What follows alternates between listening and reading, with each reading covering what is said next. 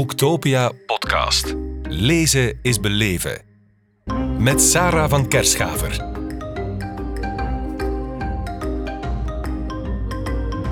Carlien Dont, welkom in onze podcast op Boektopia in Kortrijk. Goedemiddag. Goedemiddag. Je bent kinder- en jeugdpsychiater met ruim 15 jaar ervaring in het begeleiden van slaaploze ouders en uiteraard hun slaaploze kinderen. Wat heb jij allemaal gehoord aan verhalen die 15 jaar?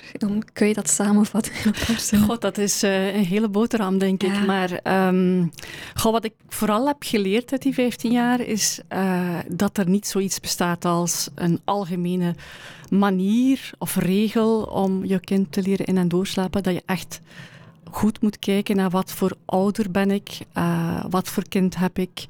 Wat zie ik zitten om te doen? Mhm. Hè? Wat is haalbaar voor mij? Uh, waar sta ik achter? Qua waarden en normen bijvoorbeeld. Dat kan heel erg verschillend zijn. En het succes hangt eigenlijk net daarvan af. Hè? En, en dit, dit los je niet op met een korte consultatie van tiental Nee. minuten. Dat, daar heb je echt wel tijd voor nodig. Ja. Ja.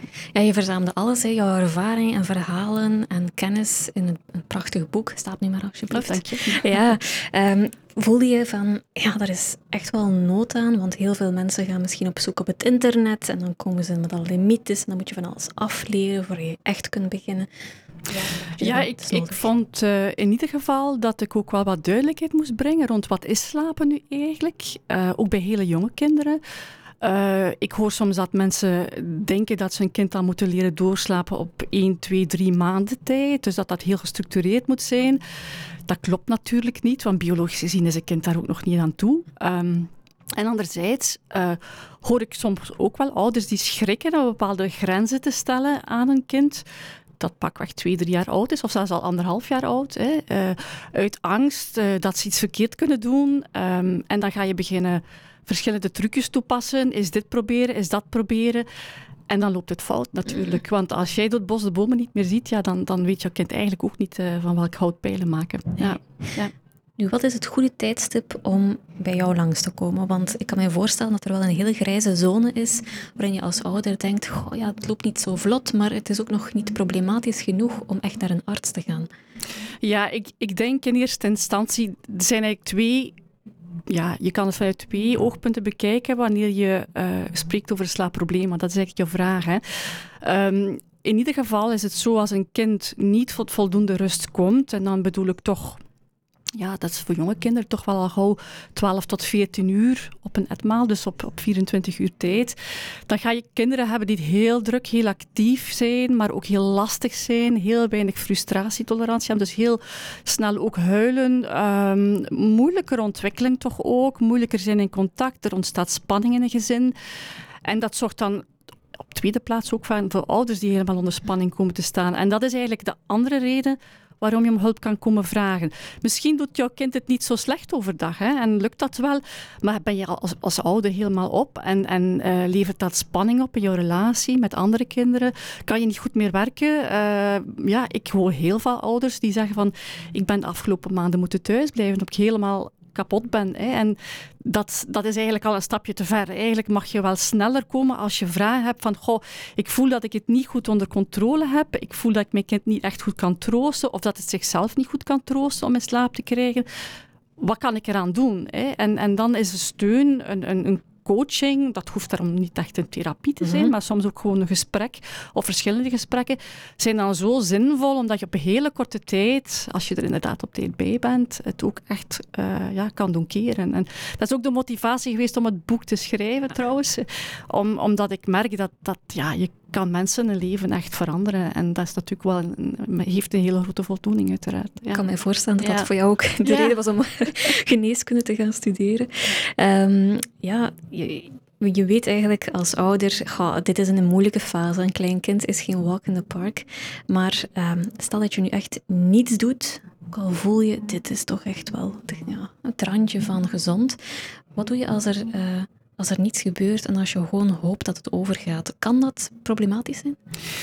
Wel, dat hangt uiteraard opnieuw een beetje af van het temperament van je kind, Mhm. ontwikkeling van je kind. Je hebt kinderen die op termijn wel zelfstandig leren in- en doorslapen ook. Alleen, ik kan nooit voorspellen wanneer dat gebeurt. Hè. Dat kan zijn op de leeftijd van twee, drie jaar, als ze iets ouder zijn, maar dat kan even goed zijn dat een kind op vijf, zes jaar nog steeds niet alleen zelfstandig in bed kan blijven liggen. En dat hoor ik ook vaak van ouders, hè, die dan komen en zeggen van ja, eigenlijk heeft mijn kind nog nooit echt goed doorgeslapen. Ik ben altijd moeten opstaan. Het kind komt altijd bij ons in bed liggen. Kijk, op zich is dat niet het probleem. Tenzij natuurlijk je allemaal in het gezin aan slaaptekort gaat lijden. En dan is het wel goed om daar een structuur in te krijgen. Het is ook niet verkeerd om je kind ergens in wat te begrenzen, om ook zichzelf te leren troosten. Dat is natuurlijk een ontwikkelingstaak dat kinderen moeten leren. Hè. Dus een gecontroleerd huilen, gecontroleerd uh, begrenzen. Hè, uh, en dat is niet gelijk aan verwaarlozen. Hè. Ik, Nee. Pas op, ik wil dat heel duidelijk stellen. En dat is een groot verschil. Dat je daar een plan bij hebt, dat is toch wel, denk ik, belangrijk. Omdat je het kind dan in zijn ontwikkeling ook stappen kan zetten. Hè. Want stel bijvoorbeeld dat je een kind van vijf, zes jaar of zeven jaar hebt, die eigenlijk nog niet eh, of die te bang is om alleen te slapen. Wat doe je dan met een bosklas, een zeeklas of is gaan slapen bij een vriendinnetje? Dan lukt dat eigenlijk allemaal niet meer. En oké, in kleuterleeftijd, op kleuterleeftijd is dat misschien nog niet het belangrijkste dat je dan eigenlijk wil bereiken. Maar ja, in lagere schoolleeftijd wordt dat al knap lastig. En eh, ja, gaan de kinderen daar ook last van hebben zelf. Hè? Als ze voelen van, ja, mijn, mijn vriendjes, vriendinnetjes kunnen dat allemaal, maar bij mij lukt dat nog niet. Dus dan, dan, dan, ja, dan ga je daar effectief toch gaat dat wel een impact hebben. Ja. Ja, dus Ja. impact is inderdaad niet alleen voor de ouders. Nee. En als ik jou zo hoor, dan ja, is het ook geen doel dat jij stelt. Uh, dus de ouders komen bij jou, je kijkt wie is het kind, wat is het probleem, hoe reageren de ouders op en jullie stellen eigenlijk samen een doel op. Ja, absoluut. En dat is eigenlijk de belangrijkste boodschap die ik wou geven met Ja. het boek. Van, ken je kind goed of leer het goed kennen? Kijk er ook naar welke ontwikkeling maakt mijn kind door. Is dat een, een beetje een standaardontwikkeling zoals je verwacht op de leeftijd?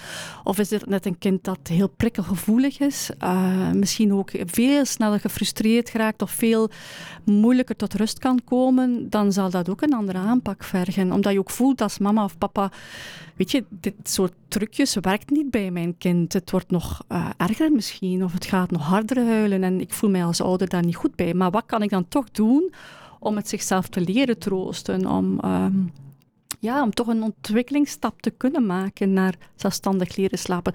En dat zal dan misschien iets langer duren. Dat is zeker mogelijk. Maar het is niet on ondenkbaar dat dat kan. En dat is misschien de hoopvolle boodschap. Er is hoop. Ja, absoluut. Ja. Oef, uh, van alle ouders die bij jou komen, hè, die zien hun kinderen natuurlijk doodgraag. Maar heb je al gemerkt dat zoiets pijn kan doen aan de liefde voor een kind?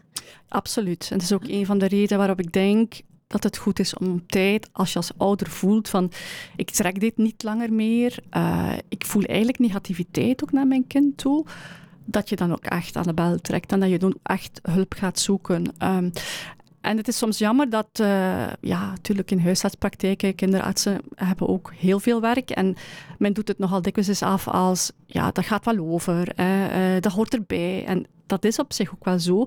Maar als een ouder echt aangeeft van, het is te veel voor mij en eigenlijk vaak alleen maar in spanningstermen spreekt over zijn kind, uh, dan, dan komt de hechting ook wel in het gedrang. En dat is denk ik iets wat je ook met slapen of goed leren doorslapen ook terug kan herstellen. Hè? Dat je eigenlijk weer positiviteit voelt en positieve dingen kan zien in de ontwikkeling van je kind. Maar dan moet je zelf ook goed geslapen hebben natuurlijk. Hè? Dus het hangt allemaal een beetje aan elkaar ook. Ja, okay. absoluut. En als we uitzoomen naar vandaag, groter wordt het niet, um, met je 15 jaar ervaring, merk je dat het erger wordt? Dat er steeds meer kinderen op steeds jongere leeftijd slaapproblemen ervaren? Of is dat al een constante geweest de voorbije 15 jaar? Ik denk zeker dat het toeneemt. Um, dat is natuurlijk ook een beetje te wijten aan het feit dat het ook meer bekend is, denk ik. Uh, ik denk dat het lang ook, wat ik al zei, hè, door heel veel mensen werd gezien als, ja, weet je, dat, dat hoort erbij en dat is normaal. Ik denk dat ouders nu wel iets sneller aan de alarmbel trekken als het niet lukt. Maar er is ook een maatschappelijke evolutie. Hè. Ik merk ook dat het voor ouders heel moeilijk is om te zeggen van, goh, ik ga misschien toch kijken hoe ik dat op een andere manier kan oplossen, het werk kan regelen, zaken meer kan verdelen moet ook weten dat bijvoorbeeld uh, gezinsstructuren veel minder kunnen steunen op netwerk. Hè. Denk maar aan grootouders, die bijvoorbeeld ook nog in de wegsituatie zitten. Wat natuurlijk vroeger vaak niet het geval was. Mhm. Hè. Toen, uh, it takes a half um, um, village to raise a ah. baby. Hè. Dus uh, dat is echt genoeg eigenlijk. Hè. Dat, dat, dat je eigenlijk ja, binnen een gezin soms nood hebt aan, aan mensen die het eens overnemen. Hè. Die zeggen van, weet je, ik, ik kijk er nu wel eens naar. Of ga jij maar gewoon iets leuks doen. Of uitrusten. Dus, dus, dus ik denk dat het een combinatie is van en meer kennis over. Hè, en mensen die wel mondiger zijn en ook makkelijker gaan hulp zoeken.